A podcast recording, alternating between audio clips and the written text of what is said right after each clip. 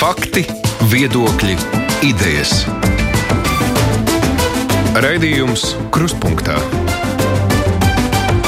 ar izpratni par būtisko. Esiet sveicināti pie Latvijas radio mikrofona Arnēs Krauss, skan raidījums Kruspunkta.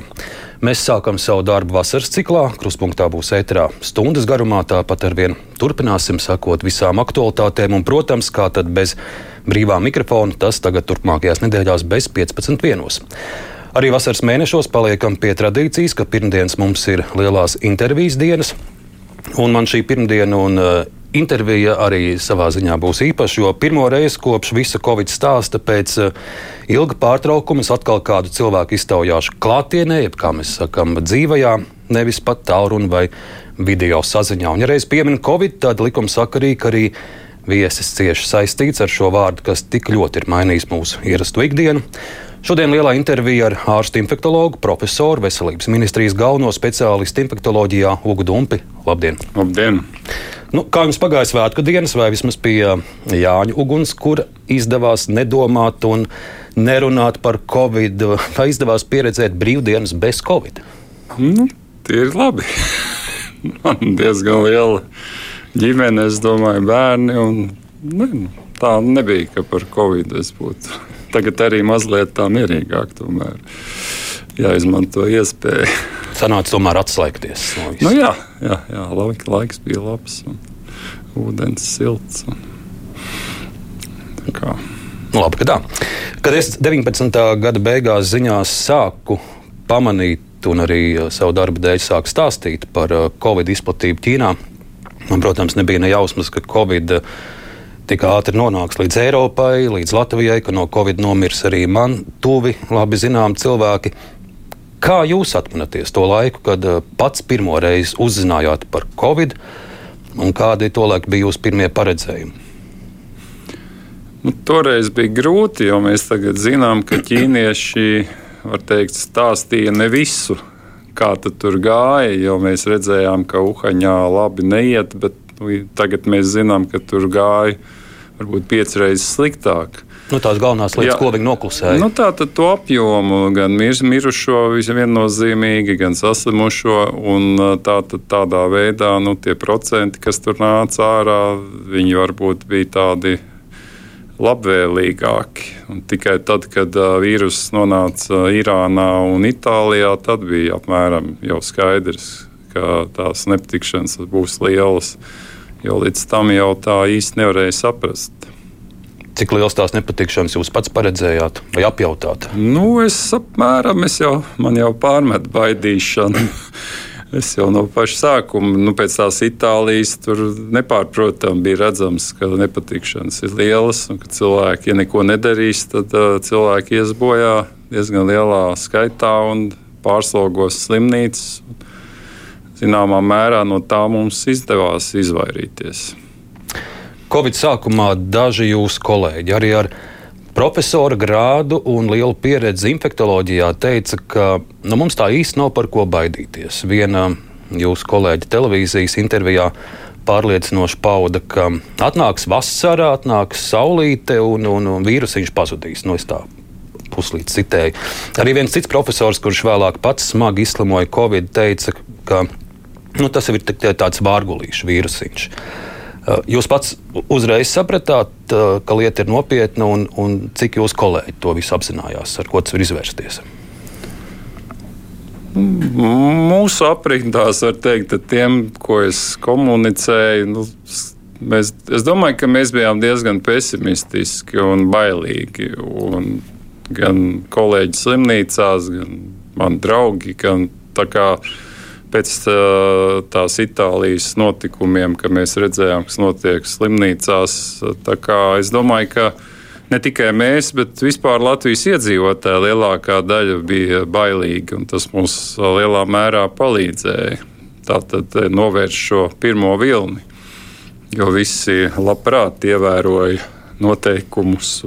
Tas man liekas, es nedomāju, ka Latvijā tātad nu, toreiz daudz jau mēģināja pievērst sev uzmanību ar paziņojumiem, bet caurmērā cilvēki tiešām nobijās. Tas arī bija tas mūsu pirmās daļas veiksmes stāsta pamatā. dažbrīd varbūt paziņojumi no jūsu puses nāca arī nedaudz tā kā ar nolūku situāciju pat dramatizēt, lai, lai ļaudis atopas. Es domāju, ka nē, es domāju, tomēr vienmēr esmu mēģinājis nevis dramatizēt, bet nu, tādā ziņā nu, kaut kādus skaitļus rēķināt prātā. Nu, tā nav. Vienīgi nu, ar laiku, laikam šie, redzot, kā tie kompromisi tiek veidoti, tad uh, varbūt es varu nu, palikt mazliet radikālāks. Jo es redzu, ja tu pasaki, nu, varbūt nebūs tik traki, tā uzreiz kāds to paņem. Un, Tātad viņš teica, ka nekas nebūs apmēram. Un tādā ziņā, ka es, es nedomāju, ka es kaut kādā brīdī būtu dramatizējis, jo mēs arī nezinām, kurā, nu, ja mēs paskatāmies piemēram uz Lietuvu vai Igauniju, kādas saslimstības bija tur, noteiktos laika periodos mums tādas nebija. Mums varēja būt, jo mēs jau būtiski neatšķiramies no viņiem. Tā kā nē, es nepiekrītu, ka es kaut kādā brīdī būtu kaut ko dramatizējis. Vai bija kāds brīdis, kur jau tagad, ar laika apstākļu pavērojot, jūs secinat, ka ka varbūt arī jūs savos apsvērumos, paredzējumos vai situācijas analīzē kaut kur arī kļūdījāties? Noteikti. Un, Varam minēt dažus piemērus. Nu, es domāju, ka rudenī es domāju, ka mēs varēsim novaldīt vīrusu. Nu, pēc vasaras es teiksim, nekad nedomāju, ka viņš nenāks atpakaļ, bet nu, man likās, ka mēs. Nu, Tāda eifórija varbūt bija par to, ka cilvēki ievēro noteikumus, seko nu, tātad, padomiem, un tātad, ka mēs spēsim kaut kādā veidā ar testēšanām, ar prātīgu rīcību tātad, tā, tikt galā. Bet, nu, diemžēl tas neizdevās. Arī nevarēja paredzēt, ka parādīsies šie lipīgākie vīrusu varianti, kas, piemēram, padarīja vēl telpas bīstamākas Tātad šis aerosola komponents, jo lipīgāks vīrus, jo ir jo īsāka šī ekspozīcija, vajadzīga laiks kontaktā, jo nopietnāki riski parādījās telpās. Tātad varbūt es biju domājis, ka tas vīrus paliks varbūt arī lipīgāks, mazāk agresīvs. Noteikti. Es domāju, ka es neesmu vienīgais tātad zinātnē balstītais cilvēks, kurš ir kaut kur kļūdījies, bet tādā, tādas lielas.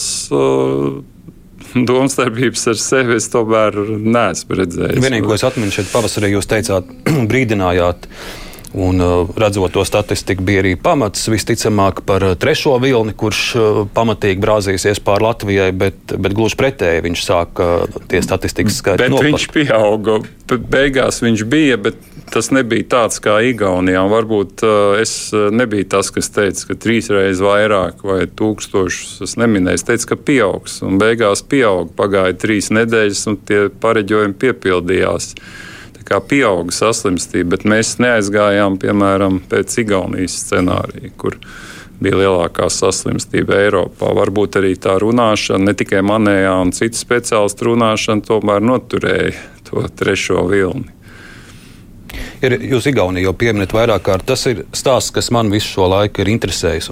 Tā es neesmu izpratis, ka, ja raugamies uz Igaunijas statistiku, tur vienā brīdī saslimšana bija ļoti tuvu un līdzīga Latvijai, bet mirušo skaits visu šo laiku Igaunijā ir bijis eh, krietni mazāks. Protams, pat ņemot vērā iedzīvotāju skaitu, bet tāpat uh, salīdzinot ar, ar Latviju, viņiem pāris cilvēku diennaktī, mums pāris desmit.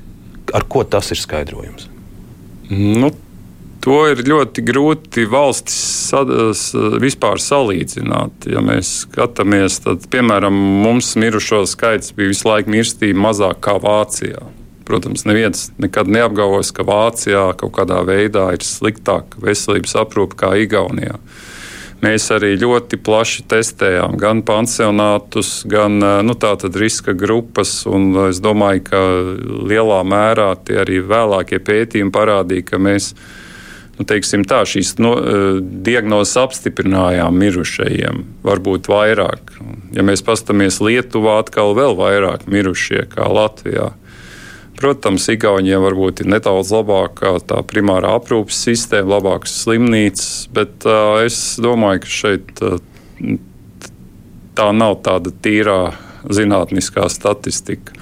Jo Vācija, Lietuva ir piemēri, nu, kad, kad teiksim, Bet jūsu versija, kāpēc Igauniem? Nē, es domāju, ka, ā, ka varbūt viņi netika aktīvi testēja pansionātus, jo viņiem vispār testēšana bija nu, daudz mazāk apjoms kā Latvijā. Un, Nu, varbūt kaut ko laikā ātrāk aizved uz slimnīcām. Pacients ir ļoti svarīgi. Pacients nonāk uzreiz slimnīcā. Tāda primārā aprūpe, slimnīcu gatavība nedaudz labāka. Bet es, Nu, tad tikpat labi, kāpēc Lietuvā sliktāk kā mums.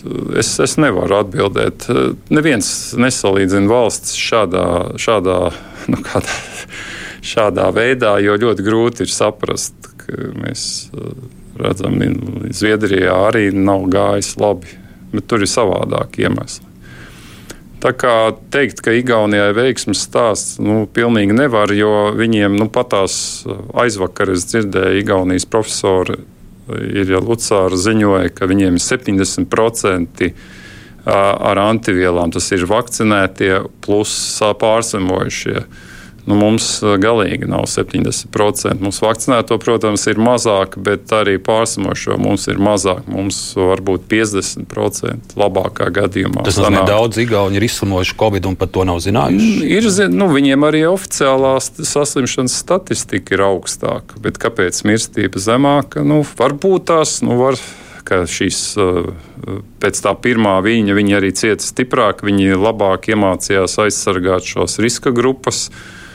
Nu, Tāda sociālās aprūpes namus, vai, vai, bet es, es nevaru atbildēt. Bet es nekādā veidā Igauniju vai Zviedriju nekādā veidā nevarētu atzīt par veiksmes stāstiem. Cita lieta būtu Norvēģija, Somija, Islande. Nu, tur gan tur gan būtu ko mācīties. Bet uh, es domāju, ka Igauniem ir gājis tikpat sūri kā mums kopumā.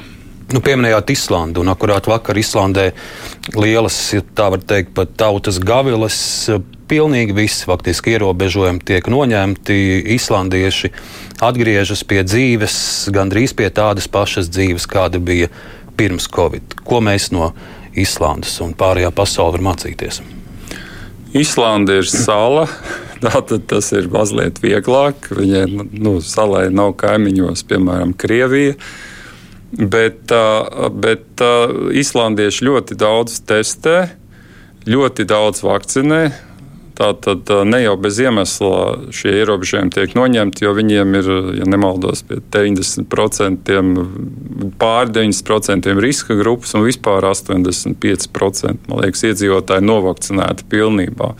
Tas pats arī Dānijā, kad riska grupās seniori tojās 100% novakcinēšanu. Tāpēc Nu, tas, ka uh, skolnieki slimo vai jaunieši slimo, varbūt nav tāds risks, un slimnīcas pacienti cilvēki slimnīcā nenonāk. Es domāju, ka islandieši nu, pieņēma uz zinātni, uz, uz faktiem balstītu lēmumu, bet es neizslēdzu, ja viņiem, piemēram, sāksies uzliesmojums kaut kāds delta varianta, piemēram, tad viņi to atkal atcels visu.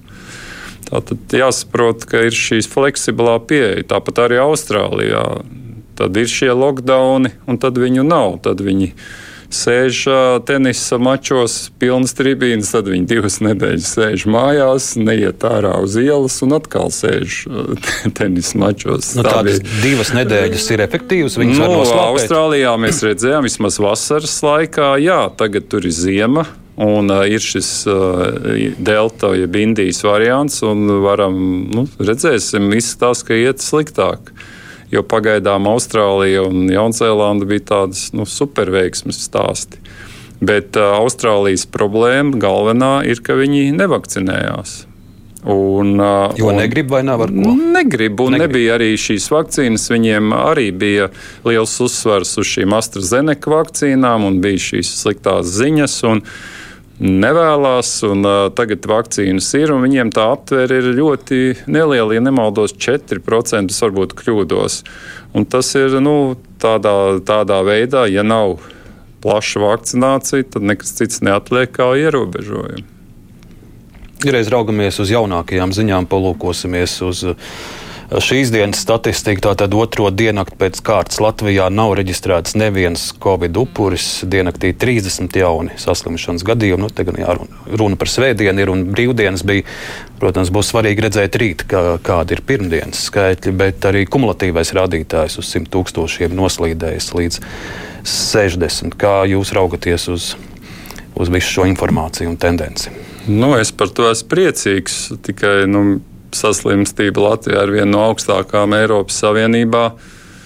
Un mūsu vakcinācijas aptvere ir zem, viena no zemākajām un interese par vakcināciju, kā Eirobarometra aptaujas vakar datus redzēja, ir otrā zemākā aiz Bulgārijas. Tā ir tāda pagaidu labvēlīga situācija, bet uh, nevar izslēgt, ka stāvoklis var strauji pasliktināties. Arī Kas to var sekmēt?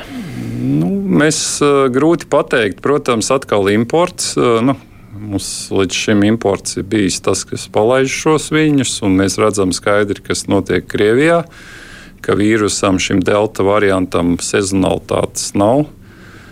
Ka mums uh, jau 5% no pacientiem jau ir imports no patreizējiem. Kā, un, protams, arī šī brīvāka dzīvošana. Tātad mēs vēl redzēsim varbūt Jāņa efektu. Tā kā cilvēki grib iet uz pasākumiem, grib iet uz uh, teātriem, un to nevar uh, noliegt. Tas ir, manuprāt, arī jādara, kamēr saslimstība ir zema. Tātad šie luksusforu principi ir jāievēro, nu, solītie. Bet uh, mums uh, pamata būt optimistiem uz rudeni pagaidām nav, jo es jau minēju, šie rādītāji ir nu, tādi pašvaki.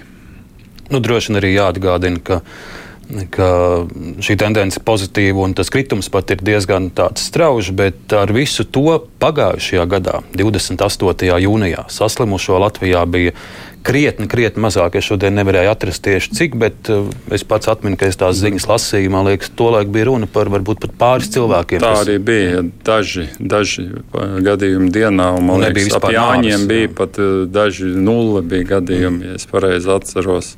Tā kā pagājušajā gadā bija šis Uhaņas, jeb Itālijas vīrus, kas bija mazāk lipīgs. Un, Nē, nē, nu mēs vēl nekādā veidā nevaram salīdzināt ar pagājušo gadu, bet nu, šogad mums ir 30 pāri procenti vakcinēti cilvēki. Tas ir varbūt tas.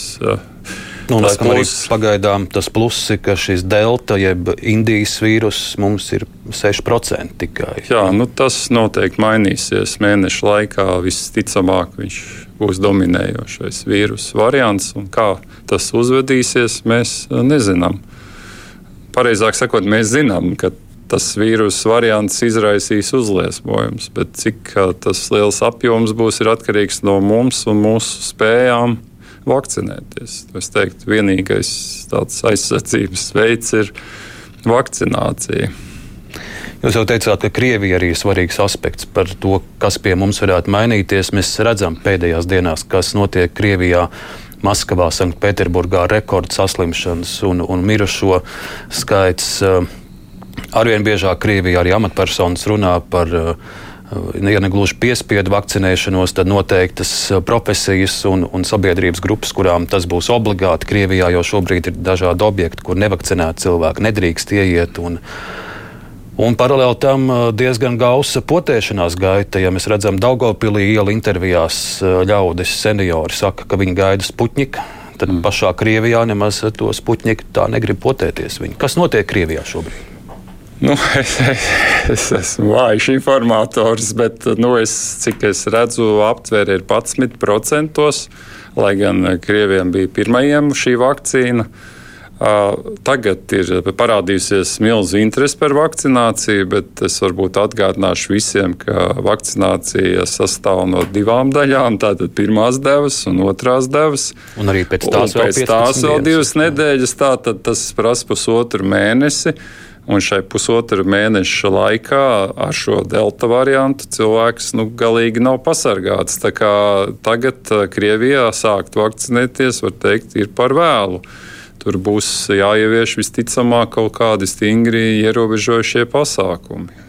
Attiecībā uz mums, mums kā reiz ir ja mēs prognozējam, ka šis delta variants sāks plosīties, varētu teikt, jūlijā, otrā pusē, augustā, tad mums kā reiz tagad būtu tiem, kas nav vakcinējušies, jāiet un jāvakcinējās, lai paspētu šīs otrās devas tā, tā, tā, izvakcinēt.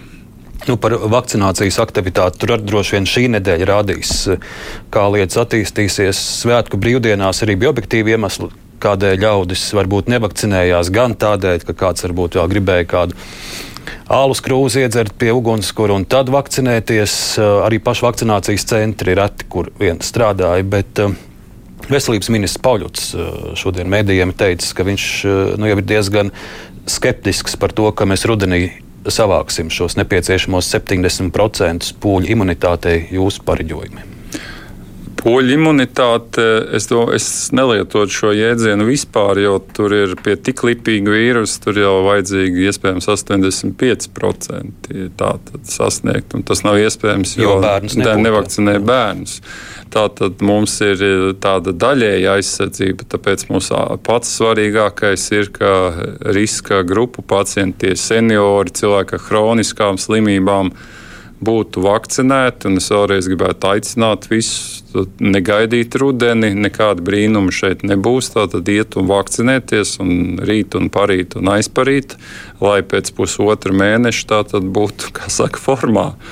Un, ja mēs uh, paspētu novakcinēt uh, šīs riska grupas, kas ir ievērojama Latvijas iedzīvotāja daļa, tad mēs varētu domāt par skolu atvēršanu, par uh, slimnīcu nepārslogošanu, tātad uh, nu, arī par uh, dažādu sabiedrības citu funkciju nodrošināšanu, arī kultūras dzīves nodrošināšanu. Bet, ja mums būs nu, tie, tā aptvere tik zema, Tātad es vēlreiz atkārtošu, viena no zemākajām Eiropā, nu, sevišķi riska grupās. Mums nav pat 50%.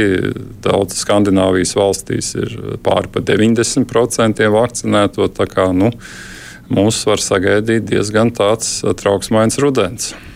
Droši vien šo situācijas nopietnību labi raksturo arī tas, ko šodien intervijā teica Eva Juhņēviča uzrunāti tika seniori Daugopilī, 2000 cilvēku personiski apzvanīti. No tiem tikai 10% ir gatavi vakcinēties. Nu, tā ir, varētu teikt, traģēdija. Nu, kā, kā, kā mēs uh, zinām, kā, kā tikt galā ar šo slimību. Mēs esam pusotru gadu nu, cietušies ierobežojumos, iero, nu, dažādos tātad, tā, tieši riska grupu pacientu dēļ. Uh, varētu teikt, nu, lai viņi nenonāktu slimnīcās. Un, eh, un tā ir kaut kāda nu, paradoks, ko grūti ir izskaidrot. To jau tagad sauc nevis par tādām bažām, bet par apātiju, vakcīnu apātiju, ka nu, cilvēki it kā ir norobežojušies un domā, ka tas vairs neatiecās uz viņiem. Es nu, pat lasīju zinātnisku rakstu. Kad, Bet tas, nu, man jāatgādina, ka nu, tas tieši attiecās uz viņiem. Un tiem, kas nebūs vakcinēti. Un ja, ja seniori nevakcinējās, tad arī skolas var būt apdraudētas. Ja skolotāji nevakcinējās, arī, sko, nu, arī skolas būs apdraudētas. Tātad nerunājot par to, ka nevar satikt savus ģimenes locekļus, ja sākās atkal uh, epidēmisks uzliesmojums. Tā kā nu, mums visiem kopā būtu jādara maksimālais, lai vienalga kādā valodā runājošais šis uh, seniors vai riska pacients uh, nu, saņemtu šo pirmo un arī otro vakcīnu, paspētu saņemt līdz rudenim. Ja jūs strādātu šajā vakcinācijas birojā un jūsu šīs dienas darba pienākums būtu teiksim, apzvanīt uh, desmit seniorus Dagopilī, Ventspilī un Liepājā, Ar kādiem vārdiem jūs uh, šo savu uzrunu sāktu? Nu, es tādu tā, tādu svarīgu runu es neesmu gatavs. Bet tā, nu, es teiktu, ka bet mēs tā, tā labi sākām, uh, labi sākām, noturējām pirmo vilni. Nebija arī katastrofas ziemā. Nu, nebija tādas katastrofas, kā mēs redzam uh, citās valstīs. Un, nu, tas ir atkarīgs viss mūsu rokās. Ja mēs nevakcinēsimies un vairumā nevakcinēsimies, mēs nu, slikti beigsim. Nu, citas valstis varēs, kā Islande, visu atcelt. Mums, diemžēl, būs problēmas. Jo, protams, ar slimību man ļoti nepatīk, sadzīvosim ar šo slimību. Ne, mēs ar viņu nevaram sadzīvot. Mums ir ar viņu jātiek galā ja mē, mēs tā sadzīvošana nav izdevusies. Mēs jau pagājušajā rudenī domājām, ka mēs varēsim sadzīvot. Te, nav, te ir jātiek galā. nu, Austrālijas variants. Vai nu ir jāver visi ciet, vai nu ir jāvakcinējās. Nu, mums cilvēki no tik lipīga vīrusa vairs izvairīties nevar jāatzīst. Nu, vai nu vakcinējās, vai nu pārslimos. Tas, manuprāt, nav tikai mana doma, to ir daudz zinātnieki to arī ir atzinuši. Mēs nu, pat tās pabeidzām tādu pārskatu rakstu. Būs nopietnā žurnālā vairāk Eiropas zinātnieki par tām projekcijām uz priekšu. Nu, skaidrs, ka tās projekcijas ir tādas, ka uh, vīruss būs, bet mums ir jāvakcinējās, savādāk mēs uh, izslimosim. Un izslimot ir daudz, daudz sliktāk kā, kā, vakcinēties. Un to mēs redzam slimnīcās, un to mēs redzam ne tikai mirušie. Ir arī tādi, kas ir pusgadu noguruši, un, un tā tad ir citas problēmas, ko šis vīrus izraisa. Ne visas mēs vēl esam aptvēruši. Vai jūs esat mēģinājis saprast, lasot komentārus, sociālos tīklus, Kas ir tie galvenie argumenti vakcinācijas noliedzēju prātos? Jo gluži tāpat kā vakcinētie cilvēki ir ļoti dažādi, arī vakcinācijas pretinieki ir ļoti dažādi. Es pats zinu, tur ir cilvēki arī ar vairākām augstākām izglītībām, cilvēki, kuri lasa visus zinātniskos žurnālus. Vai jūs iedziļināties arī šo antivakcēru vai vakcinācijas skeptiķu argumentos? Un vai arī tur ir dažs labs arguments, varbūt pat vērā ņemams? Nu, es neteiktu, ka vērā ņemams arguments. Šie antivakseri, šie radikāļi, nu, viņi ir arī pret masalu vakcīnām, pret citām vakcīnām. Nu, mēs jau ar viņiem sastopamies jau, var teikt, 20 gadus eh, Eiropā. Un tas ir novedis pie problēmām, piemēram, tām pašām masalām. Bet, uh, uh, bet lielākā daļa, manuprāt, ir tiešām šī uh, apātiskā daļa, vai kaut kā apmulsušā daļa, vai sociālajos tīklos sapinušies. nu, tad cilvēki šajā varbūt daudz viedokļu daudzveidībā un uh, Es domāju, nu, ja nebūtu šobrīd Facebook un Twitter, būtu nu, daudz vieglāk. Es domāju, apkarot. ka nu, jā, nu, tā informācija ir diezgan plaša un uh, ir viedokļi, nevis zināšanas, kas dominē bieži vien, un, un cilvēki klausās nevis zināšanās, bet viedokļos. Uh, Nu, tā, tā problēma ir, jo es domāju, ka lielākā daļa, un tās aptaujas arī rāda, ka nav šie radikālie, ja nekad nevakcinēšos. Un šis Eirobarometra aptaujā, man liekas, arī mums tikai 11% uh, teica, ka viņi nekādā veidā nevakcinēsies. Un tad uh, mums ļoti svarīgi aptvert nu, šos aprunāties tātad es uh, ar šiem, nu, kā saka, aizmigušajiem nu, vai gaidošajiem. Tātad, ka nav ko gaidīt. Nu, es vēlreiz gribētu teikt visiem, kas klausās, ka neko labāku sagaidīt nevajag. Vakcīnas ir tās, kas ir. Nu, jaunu vakcīnu tuvāko mēnešu laikā nebūs. Vakcīnas ir drošas, vakcinēšanās process prasa vairākus mēnešus. Nu, tā tad līdz aizsardzībai tas ir jāsāk tūlīt. Vakcīnas Latvijā pietiek. Uh, tā tad nu, tas ir jādara vienkārši. Un, nu, un ir arī vietas, kur atbild uz jautājumiem. Tā tad var griezties, ir dažādi telefoni, un nav jau, nav jau tā arī, ka nav šī informācija. Tas mans novērojums, jūs minat, ka viņi varbūt nedaudz tā kā ir apātiski. Es atkal redzu tos vakcinācijas noliedzējus, kuri ir ļoti skaļi. Viņi nav daudz, nu, salīdzinoši, bet, bet viņi ir skaļi, viņi ir pamanāmi un dažkārt varbūt tiešām te pašā Facebookā nu, var rasties tas priekšstats, ka, ka šie vakcinācijas pretinieki ir, ir milzīga armija.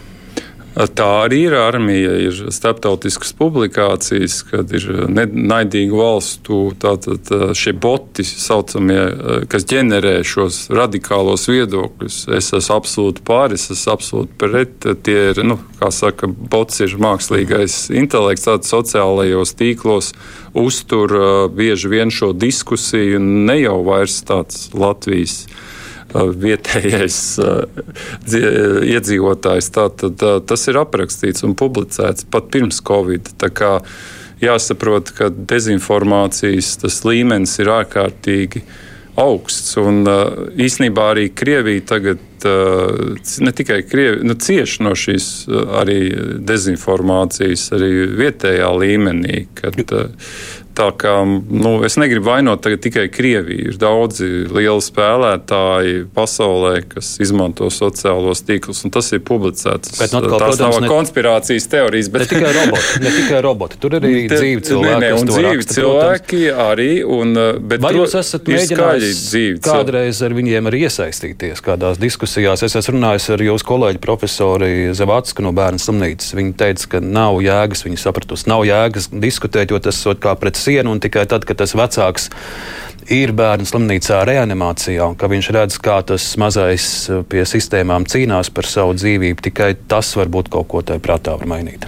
Nu, es piekrītu, jo ir pacienti, kas netic Covidam un mirst, un tad ir tā atklāsme eh, radiem un pašiem, kad ir Covid un kā tas ir un nav Covid. Un tas ir diezgan traģiska situācija, kad eh, jā, es domāju, ka šī tas nav medicīnisks fenomens tādā ziņā, kā ārsts, infektuologs. Es nespēju izskaidrot šos.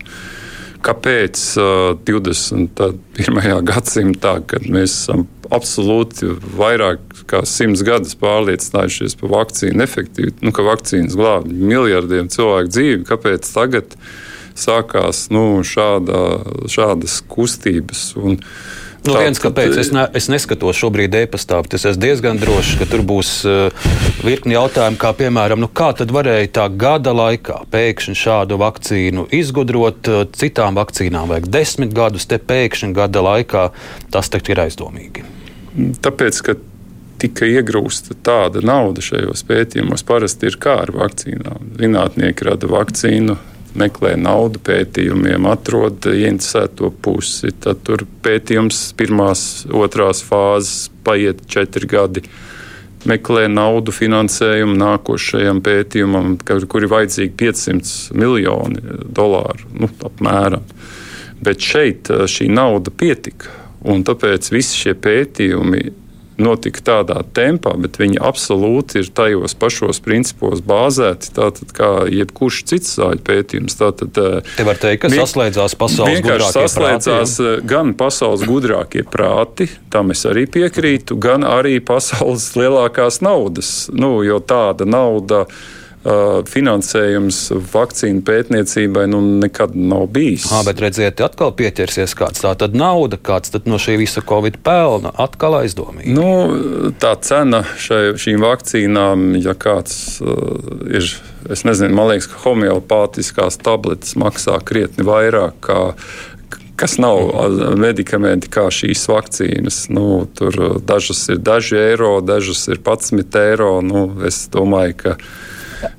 šie milzu, pārs, milzu peļņa nu, ir farmaceitiskā industrijā iegūstama citos veidos, daudz vieglākā veidā. Kā. Pabeidzot par šiem antivakcinētājiem, cik es raugos sociālajos tīklos, Facebookā.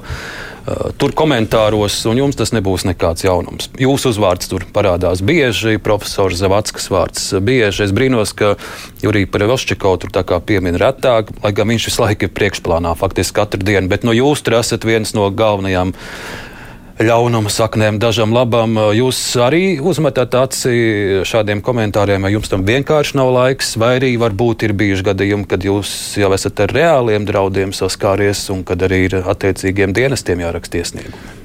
Nē, nu tā, tādiem man, mana veida speciālistiem visā tā, pasaulē ir šāda veida problēmas.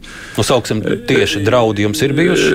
Nu, kā to var teikt? Nu, tādi Nu, jā, nu, draudi nemitīgi var teikt, ir uh, draudi. Bet, nu, Arī nezinu, dzīvības draudi? Nē, nu, tā es. Uh, nu, nu, ir dažādi veidi šie draudi. Nu, ja tur palasa šos komentārus, tur ir arī nu, teikt, dzīvības draudi. Bet uh, nu, es nezinu, viena lieta, ko.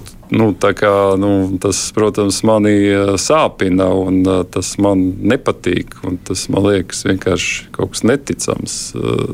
Kā, ka, ka, kad es lasu, nu, es neesmu Facebook aktīvs lietotājs. Es varbūt Twitterī vairāk izpaužos un skatos, un Twitterī laikam nav tik tā situācija sas, tik saspringta. Bet jā, nu, man visvairāk pārsteidz šis cilvēku ienaids pret zinātni vai pret tātad. Man nav skaidrs, no kurienes nu, tāds radās. Nu. Vai jums ir skaidrs, no kurienes dažam labam var rasties doma tagad sev pielikt klāt uh, šo dzelteno zvaigzni, kur savulaik, um, kur visiem asociējas ar holokaustu. Ir ebreju kopiena jau pateikusi, nu. ka tas ir apkaunojoši un ciniski, bet dažs labs mūsu politiķis, deputāts bezmazliet katru dienu publiski liek bildes ar tādu. Nu, man ir kauns par to, jo nu, tas ir cilvēks, ko mēs esam ievēlējuši. Nu, nu, tādā veidā nu, nu, degradēt vispār eh, šo konceptu. Nu, tātad tas man liekas ir. Vienkārši briesmīgi, ka tas ir cilvēks, publisks cilvēks. Viena lieta ir, ka kāds anonīmi tur kaut ko dzērumā ieraksta. Nu, bet uh, cita lieta ir, ka cilvēks uh, tādā veidā, nu, var teikt, droši vien zvejo balsis vai, vai, vai tā tad ir mūsu. Priekšstāvs. Man visvairāk tiešām arī pārsteidzis ir teiksim, politiķu brīvā izrunāšanās šā gada vai pusotru gadu laikā gan par zinātni, gan par, nu, gan par tātad, vīrusu. Tas, tas tādā veidā nu, tiešām tas ir ļoti pārsteidzoši. Bet nu, tā arī ir. Nu, tur arī tas labs fenomens. Tas labs diezgan bieži ķengā jūs ar mazo burtu rakstot. Un, un, un, nu, es, es godīgi sakot, tādā nu, mazohismā neesmu iegājis, ka pētītu, kā, kā mani apceļ. nu, tā, tas man nav laika tam, bet, bet nu, katrā gadījumā tas viena lieta, ka tu tiešām esi tāds cilvēks, kas, kas neesi publisks, un cita lieta, ja tas ir nu, tautas uh, priekšstāvis, kas ir atbildīgs par uh, mums. Mums vēl ir pāris minūtes, un viens jautājums no klausītājas, bet manuprāt, tas ir būtiski, jo redzot pēdējo dienu ziņas šo uzdod ar vien vairāk. Vita vaicā, man ir jautājums par Jensen Johnsona vakcīnu.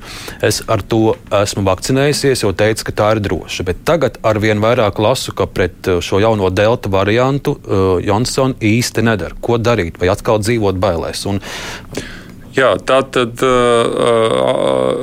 tiešām šī viena deva ir diskusija par to bet nav zinātnisku faktu. Ja mēs zinām, piemēram, ka AstraZenekas vakcīna divas devas Lielbritānijā strādā ļoti labi, tad nav zināms, tiek analizēti dati, bet pārliecinošu datu par to, ka šī vakcīna nepietiks, nav. Ja šādi dati parādīsies, tad šiem cilvēkiem nekavējoties tātad droši vien tiks piedāvāta šī nu, vēl viena uh, cita vakcīna.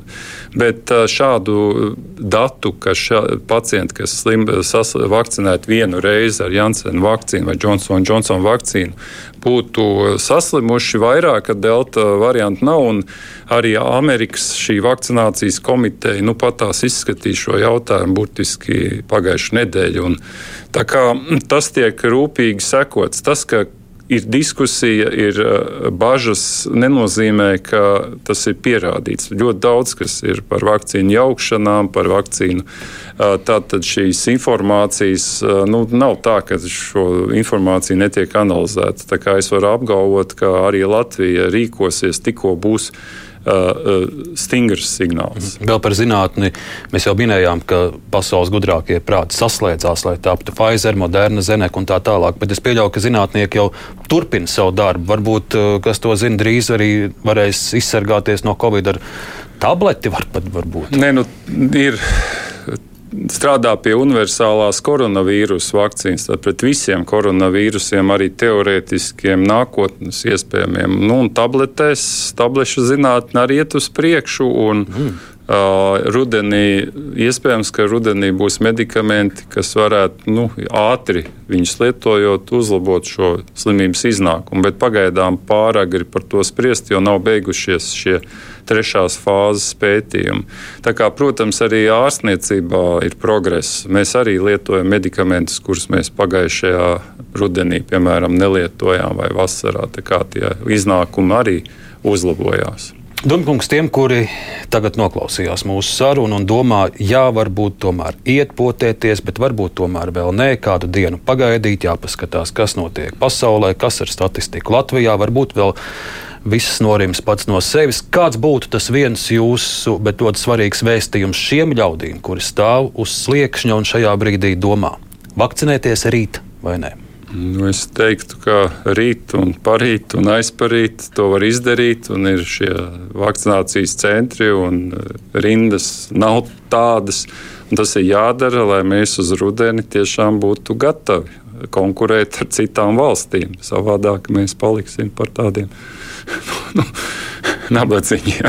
Rudenī Latvijā skolas atvērsies. Nu, tā ir viena, kāpēc mums ir jāvakcinējās visiem, ir, lai bērni ietu skolā. Nu, tas arī ir jāsaprot. Un sevišķi, protams, skolotājiem, bērnu vecākiem un uh, bērnu arī omītēm un opīšiem. Ar šo vēstījumu arī sarunu noslēgsim. Lielas paldies jums! Šodien kruspunktā iztaujājām infektologu profesoru veselības ministrijas galveno speciālistu infektoloģijā Ugu Dumpi. Jau pēc brīža brīvais mikrofons, un es, protams, paredzu, ka galvenais temats mums šodien būs Covid.